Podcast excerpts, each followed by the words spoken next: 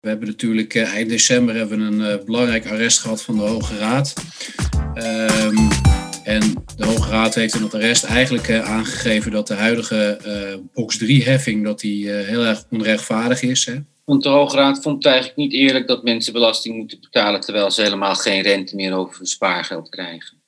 Nou ja, kijk, ehm, als jij als belastingplichtige alleen maar spaargeld hebt en jij moet uh, zelfs uh, rente betalen aan de bank, hè, want boven een ton betaal je tegenwoordig ook gewoon een half procent negatieve rente.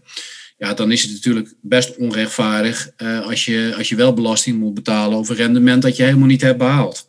Kijk, en er zijn natuurlijk ook belastingplichtigen die hebben hun geld niet op een spaarrekening gezet en die hebben het gewoon belegd en die hebben wel een mooi rendement behaald. Dan is het natuurlijk een ander verhaal. Dus het gaat met name erom dat de, dat de wetgever er eigenlijk standaard van uitgaat als jij een bepaald vermogen hebt, dat je dat vermogen op, op basis van een bepaalde verhouding uh, op een spaarrekening zet en belegt. Nou, dat geldt natuurlijk niet voor iedereen en dat is natuurlijk onrechtvaardig de Hoge Raad heeft nu gezegd dat is onrechtvaardig. En dat is best, best uniek, hè? want het, komt niet, het is eigenlijk nog nooit voorgekomen dat, uh, dat, dat een rechter op de stoel van de wetgever gaat zitten. En dat heeft deels te maken met het feit, we hebben natuurlijk uh, eind vorig jaar een nieuwe coalitie gekregen, een nieuwe regering. En die hebben eigenlijk uh, het probleem vooruitgeschoven tot de volgende verkiezingen. Hè? Want we weten allemaal dat het belastingssysteem onrechtvaardig uitpakt in deze gekke tijd, nu die rentes zo laag zijn. Dus de rechter zegt eigenlijk van joh, jullie moeten toch op korte termijn moeten jullie een oplossing gaan verzinnen en jullie moeten dat aanpassen. Nou, er zijn belastingplichtigen geweest die daar bezwaar tegen hebben gemaakt. Nou, die hebben die zaak gewonnen en dan gaat het met name om aanslagen 2018 en 2019. Nou, is nu nog even de vraag of er een, een algemene coulance regeling gaat komen. Hè, dat ook mensen die geen bezwaar hebben gemaakt dat die tegemoet wordt gekomen. En wij waren met name bezig uh, met het maken van bezwaar tegen aanslagen die nog niet verlopen waren. Hè. normaal gesproken heb je zes weken de tijd na het opleggen van de aanslag om bezwaar te maken. Dus daar waren we mee bezig. Maar wat nu opvallend is, is eigenlijk dat de Belastingdienst geen aanslagen meer oplegt op het moment dat er bij een belastingplichtige box 3 heffing speelt. Nou, ze hebben bij het ministerie aangegeven dat ze uh, uiterlijk in augustus 2022 met een reactie gaan komen. Dan gaan ze ook aangeven hoe ze die wetgeving gaan aanpassen.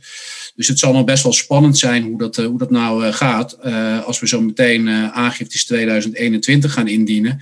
Met ook weer heel veel spaarvermogen. Of, uh, of ze dan wel een aanslag gaan opleggen of dat ze dat dan ook weer gaan aanhouden. Want dat is wat ze op dit moment doen. Er komen geen nieuwe aanslagen meer bij. We hoeven ook geen bezwaar mee te maken. Maar ja, we hebben het natuurlijk eerder in de podcast ook al gehad over het feit uh, dat je belastingrente moet gaan betalen van vanaf 1 juli. Dus ik ben heel benieuwd uh, als ze die aanslagen aanhouden, hoe ze daar nou weer mee omgaan. Ilona, heb jij hier nog iets aan toe te voegen? Nou ja, de, de, uitspraak is er nu dus van de Hoge Raad. Dus dat is, eh, en in principe is natuurlijk in de fiscale wetge eh, eh, wetgeving is het zo. Uh, de rechter vindt iets, die zegt iets. En dan is het in principe wet. Of in ieder geval uh, mag je dat toepassen. In de aangifte inkomstenbelasting voor dit jaar kunnen we dat dus nog niet toepassen. Omdat het niet, nog niet gedisconteerd is in de wet.